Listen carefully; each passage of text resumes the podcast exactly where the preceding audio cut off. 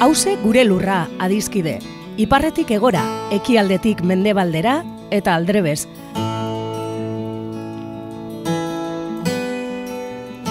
Lurra bakarra dugu edo gaituen lur bakarra da hause. Eta zaintzak dan hori dagokigunez, hemen horretaz egingo dugu berba. Lurraren zaintza kontu ekonomiko, ekologiko eta politikoa da, baita kulturala, kolektiboa eta publikoa.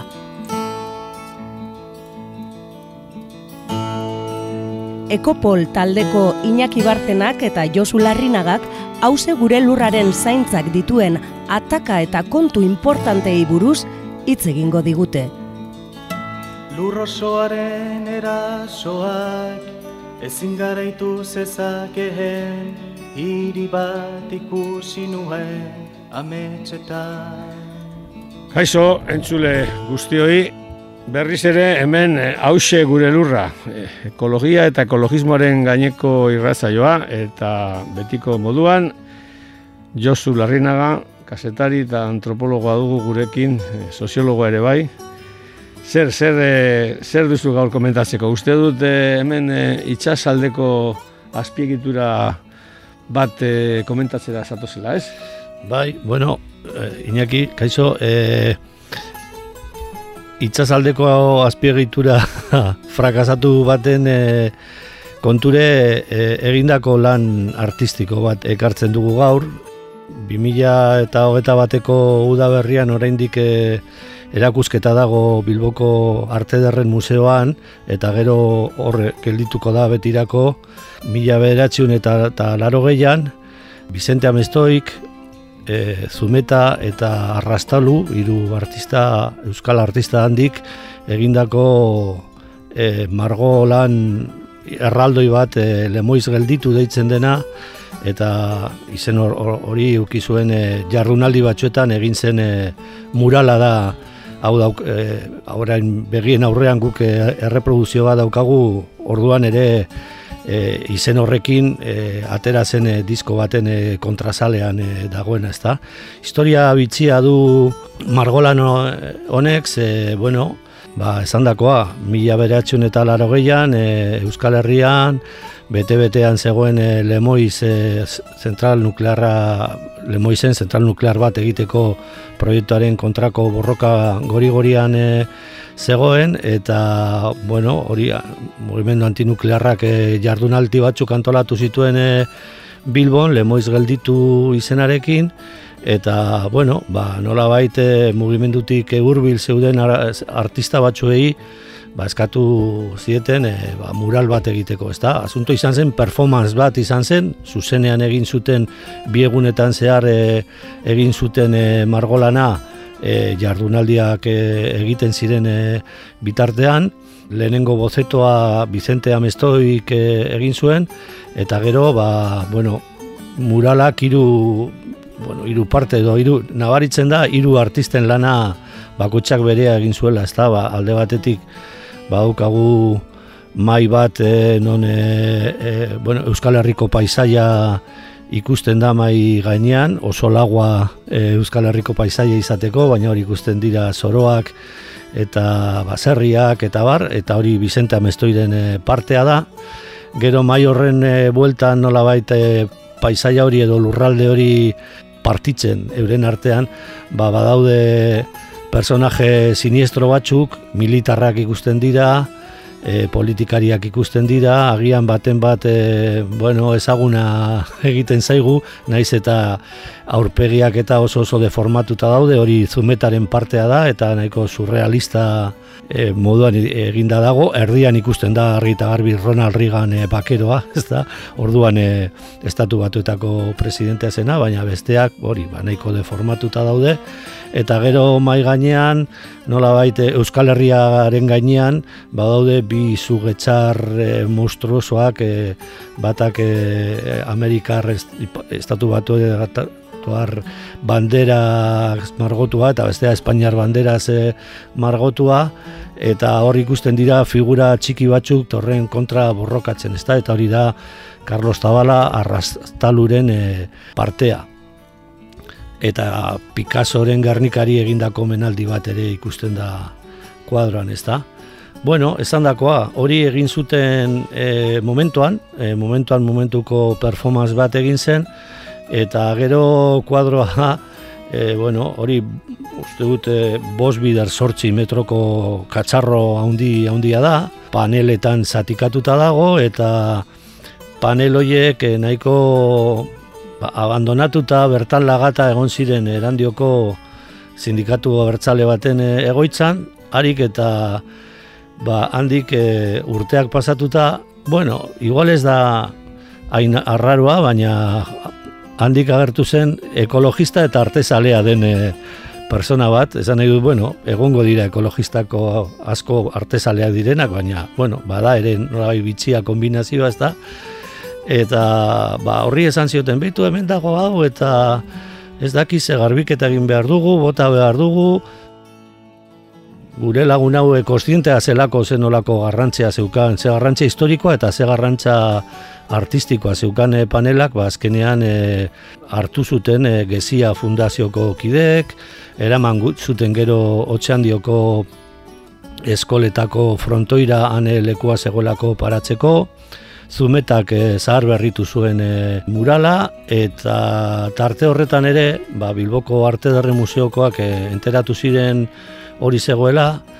eta nola gaur egun ba, artista hoiek azkenean e, segurazki batez be zumeta eta mestoi dira ezagunena justo hilda daudenak ez da ba, nola bait museokoek ere konturatu ziren hor ba, zegoela kontu importante bat eta azkenean doaitzan jaso dute Bilboko Arte Derren Museoan eta gaur egun ba, hor dago ikusgai ez da eta bueno, nola bait horrela artearen bidez eta historiaren bidez ba, larogei garrera markadaren hasieran oso borroka latza izan zena, gaur egun ba, alako legitimazio eta alako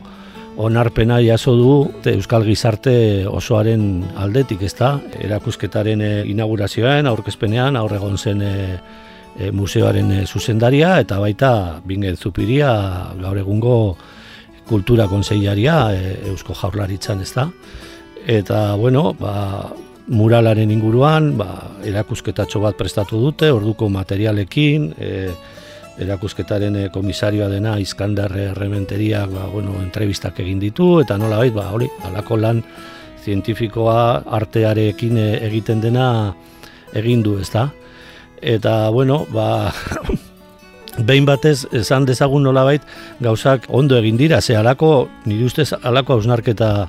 bat egin behar da, lehenengo eta behin, Euskal Herriko mugimendu ez daki nola esan, herri mugimendua, mugimendu kontrakulturalean, hori irurogei garren amarkatiko ona ezagutu dugun e, mugimendu guzti horretan, oso eh, tragetzak izan dira, izan gara memoria gordetzen eta nolabai gorde behar diren gauzak eh, gordetzen, ezta? Ikaragarria da zenbat informazio, zenbat zea, ba, galdu eginda edo hortik botata egon diren eta hori. Bueno, eta bigarren eh hausnarketatxo bat edo bada hori, ba, ba, momentu hartan e, mugimendu horretan, herri mugimendu horretan, e, geudenak ginen antisistema, traskilak, e, jende malapartekoa, ez da? Eta jende sintxoa eta ona, ba, e, lemoiz e, zentral nuklearra erabat beharrezkoa genuela, e, aurrera biderako, eta bar, eta bar, ez da horre zumetaren mustoren artean, ezagutzen da, apurtxo bat, e,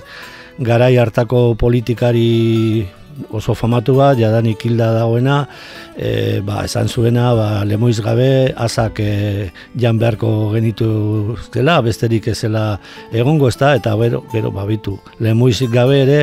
azak e, jatetxe garestietara heldu dira, eta Euskal Herrian ere, ba, gure parrasta energetikoa egin dugu mendebalde osoan bezala,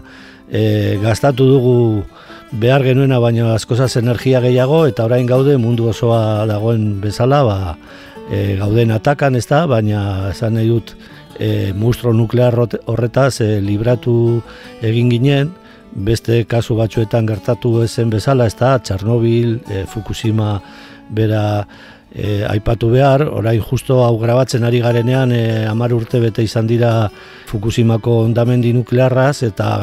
gaur egun ja esaten da nola hori eta gero mundu gozoan zehar e, energia nuklearrarenak e, egin duela, ez da, ja danik e, gobernuak eta ez, ez dutela alako arriskurik e, hartu nahi eta eta gainera ba, gaur egun daukagun e, lehen gaien eta energiaren e, panoraman e, zentral nuklear batek ezigitzen duen inbertsinoa eta gastu energetikoa ezinezkoak dira, ezta? Horregatik ere, orain ba, jende askok hartu nahi du lemoiz e, ez egotearen e, kreditua, ezta? Orain dela urte gutxi, peso inguruko historialari batzuek ere esan zuten, bueno, benetan lemoiz gelditu izan zuena, izan zela Felipe González-en eh, lehenengo gobernua, ailegatu zirenean gobernatzera, konturatu zirela Espainiako e, oligopolio elektrikoko enpresa gehienek e, kiebra jotzekotan zeudela hain zuzen ere energia nuklearrean egindako inbertsio burugabeko engatik, eta ba, esan dakoa, Lemoizen kontrako herri mugimendua oso mugimendua heterogenio izan zen, ertz asko izan zuen eta batzuk oso lasgarriak ere izan ziren dakigun bezala, baina gaur egun guk ba hori emango diegu kreditotxoa edo nolabait e, esateko ba zumeta, amestoi eta eta rastaluk ere euren aletxoa ipini zutela lemoiz gelditzen eta bueno, ba, asteburu oso bat eman zuten margotzen eta margotzen horre jendearen aurrean, Bilboko erakusta zokan, izan zirela topaketa horiek, ez da, orain e, nola baite, zera, museora eraman dutenean e, panela, ba, alako anekdota batzuk ere kontatu zituen e, arrastalun, ez da, nola, ba, Bizente Amestoi zegoela beheko partea margotzen bere paisai ederra eta goiko partean aldamian jarrita zegoela azumeta bere mustroak eh, margozten eta gainera pues hori Bizente Amestoiri sekulako margo tantak erortzen zitzaizkiola gainera, ez da, ba, bueno, hori, eurek ere lan egin zuten, ez bakarrik azte buru horretan, e, gero ere esan behar da, hori, ba, zumeta berak eukizuela protagonismo handia murala zahar berritzen eta berreskuratzen, eta orduan, ba, e, eurei nola baite eskerrak emotea e, tokatzen da gaur. Oso ondo, Josu, ba, benetan, e, bueno, merezi deu e, olako artelan e, begien aurrean eukinda, ez? E, ba, gogoratzea, ba, bueno, ba, hor gelditu dala nola bai, hori, memoria, gure herri mugimenduen memoria historiko gordin bat oso ondo adierazten dena, ba, garai horretan e, zer bizi izan gendun, ez? Nik, Bai, e, ora, duela gutxi arterretako museora hurbildu nintzen e, lagun ekologista batzuk esan da joan zaitez eta eta benetan e, birutu jetan ba, erakusketa interesgarria kuadroa da. E, oza, artelan nagusia eta bueno, gero daude bideo batzuk eta bueno, gauza interesante bada. Gogoratzen dut duela bi urte, ean, eako bizkaiko herrian, kostaldean, enara fundazioak e, ba, bueno, ba, kuadroaren e, bueno, errepikapen bat egin zuela, horren mural bat egin zela, zumeta egon zanan, eta gogoratzen nahi zan e, Sabin Ormazabal egon zala, eta aste honetan be, gure fakultatean egon da, e, ez eskerrik asko Gladisen e, lehioa, e, dokumental hori, dokumental historiko hori, eta berak e, Sabin Ormazabalek esaten zuen bezala, ba, gaurko gaztentzako dedikatua nolabait ikus dezaten, ba, bueno, zer gertatu zen Euskal Herrian garai horretan, ez? Lemoizeko kontuak, baina baita ere errepikatu dit, ba, bueno, Frankoren eh, plan energetiko nazional horretan zeuden beste reaktore nuklearak e, zazpi bat, ez? Ean, Ispasterren, Deban eta Tuteran, ez? Eta Tuteran bertan horre Gladys del Estal eh, Donostiarra egiakoak ba, ba asesinatu zuten, ez? Orduan, eh, lehenengo da hori, hau da, ba, nire ustez beharrezkoa da. Beharrezkoa da, bimenduen historia hori gordetzea, lantzea, e, artxibatzea eta denon eskura izatea, ez? Eta pena ematen dit, baina Sabino kontatuztan, ba hori, dokumentala ari da oso ondo funtzionatzen, ez dakit, e, laro gehi leku desberdinetan ipini dute, batez ere gaztetxetan, kulturetxeetan, eta bar, eta bar, baina, bueno, e, EITB-ko parrilan egon zen, baina zeo zer gertatu da, baina hori, zuk esan duzun bezala, ez? E, Arte Ederretako Museoan, han agertzen dira gure agintari politikoak, ba, esatera, bueno, hau gure historiaren parte dela, baina dokumentalaren kasuan, ba, ez dakit, ez daude hainpres, Euskal Telebista publiko hortan, ba, ba, bueno, dokumental hori e, jartzeko, ez? Ba, alde horretatik hori. Eta bigarrena da, hori, ze importantea da nire ustez, ba, izan dugunaren arrastoak izan dugunaren esperientzia, eta zuk esan duzun bezala, lemoizeko hortan, ba, denetariko gauzak ezagutu genituen, hor jende asko ibili izan, hor gogoratzen baduzu ondo e, autonomia baiolen Consejo General Basko horrek e, referendum bat egin behar zala esan zuen, eta bar, eta bar, eta ezagutu ditugu denetariko e, esamesak, eta, bueno, eta, eta gora berak, eta sabotaiak, eta ilketak, eta denetariko gauzak, baina azkenian, Euskal ekologismoaren baitan gelditzen dena da nolabait e, irabazpen handi bat, ez? Irabazi handi bat eta hainbat urte eta hainbat eta bat jipoi eta eta eta triskantza izan eta gero, ez? Orduan, mm, adibidez, datu bat ipatearren, e, komite antinuklearren e, Bizkaian zegoen artxiboa, ba, hor bizizaleak dokumentazio zentroa egonda urteetan, dokumentazio zentro hori, ba, bertan berak litu da, ba, nola baita, e, bueno, rekurtso humano eta, eta diru rekurtsorik gabe egon zalako, eta mantentzen dan bakarra nik edak idala da, emakumeen, feministen e, dokumentazio zentroa, eh? hor, bai da, bueno, hor mantentzen da, eta, bueno, gaur egun feminismoa daukan indarrarekin ikusteot, mantenduko dela urteetan, ez? Batxutan, herri mugimenduek bebai, eta autokritika moduan esaten dut, ze gutxi, erreparatu dugu bai antimilitarismoan edo bai agian euskararen euskararen arroan ezain beste, ez? Baina askotan badibidez Euskal Herriko dinamika sozial eta politikoen inguruko tesiak egiten ari diren gure ikasleak, ba Laskaora joan behar dute, ez? Laskauko e, zera, e, ba, konbentu hartara, artxibo hoietara, ba aur, daudelako panfleto, kartelak eta gauza guztiak, ez? Bueno, eskerronekoa da ba han egiten ari dana, baina nire ustez e, agian eta da hori da nire, nire burutazioa, e, Euskal Herriko gizarte mugimenduak eta herri mugimenduak gehiago errepatu beharko lukete, ba, nolabait material horiek e, pilatu behar direla, eta gure urrengo melanaldintzako eskura mantendu behar direla, ez? Bai, bai, hori gertatzen da argi eta garbi, ba, urgentza handiko mugimendua edo mugimenduak izan dira,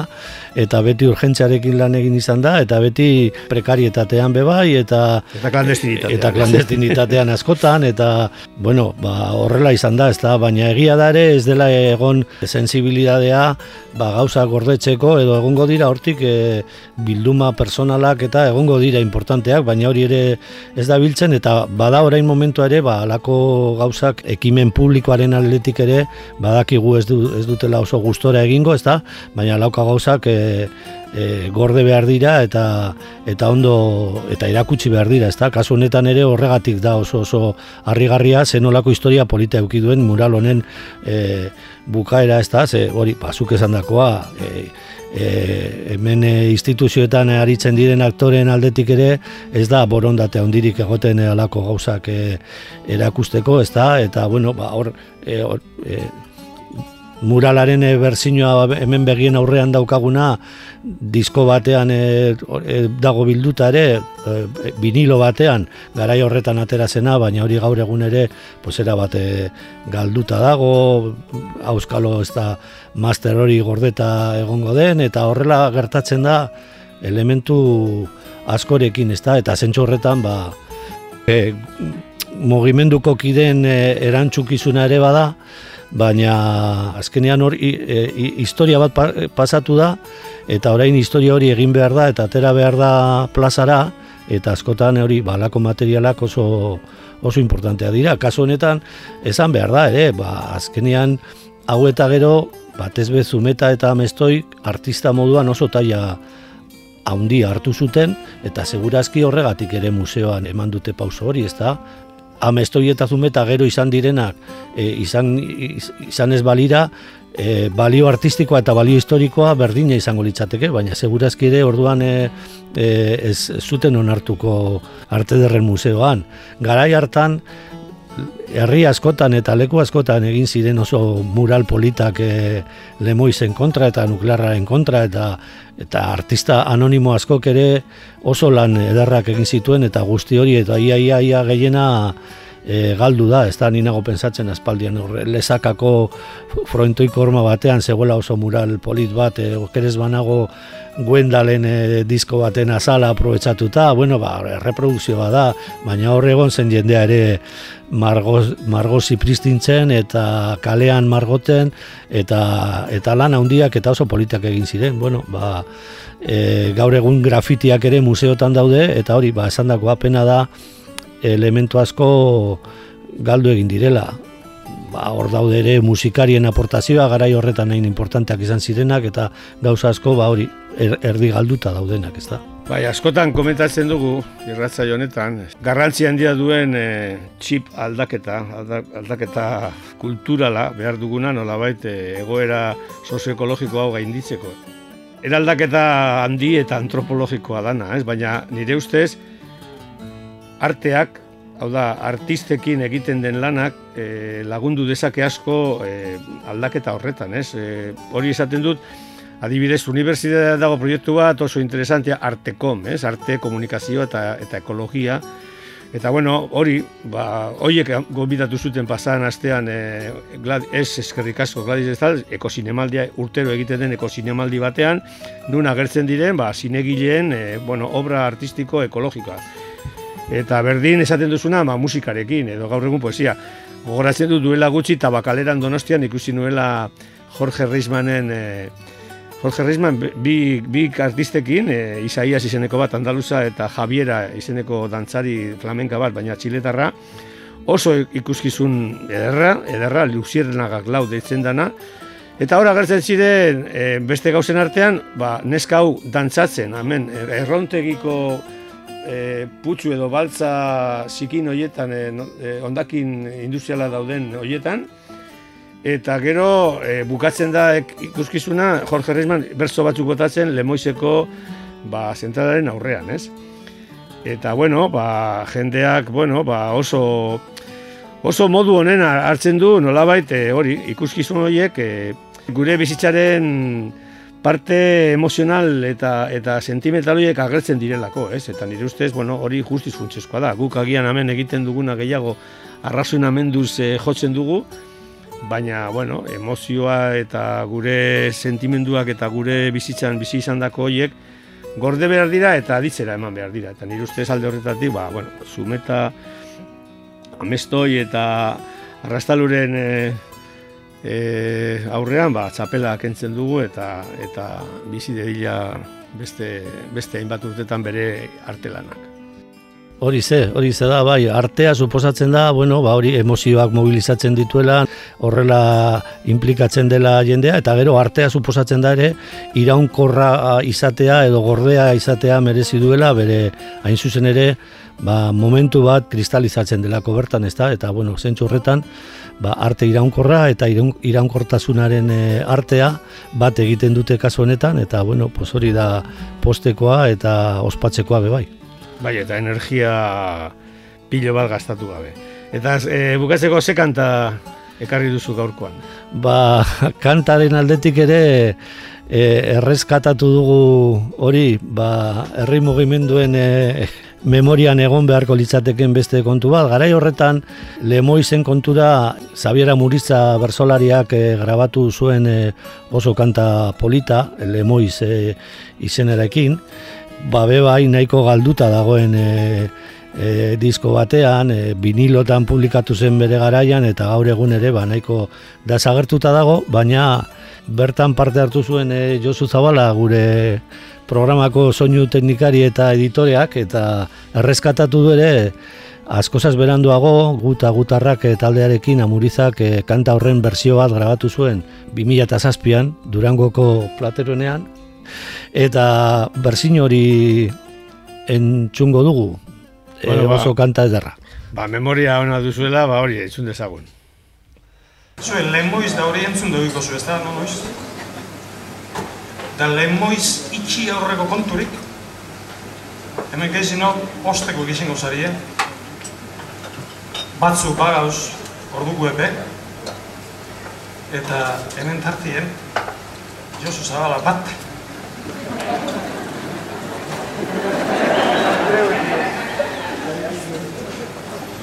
Josu Zabala bat,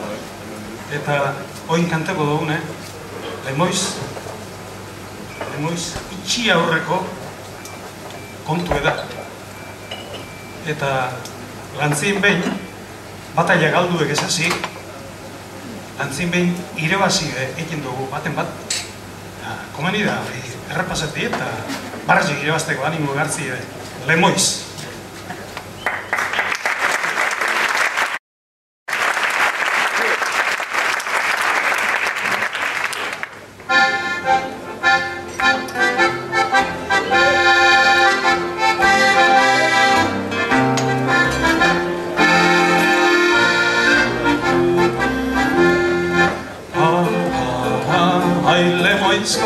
Zentrala, hori bai batala, infernuko magala, ah, ah, ah, infernuko magala. Zue lagundu albo zue. Eh, eh, eh, ona dela diote, asko zobe lukete,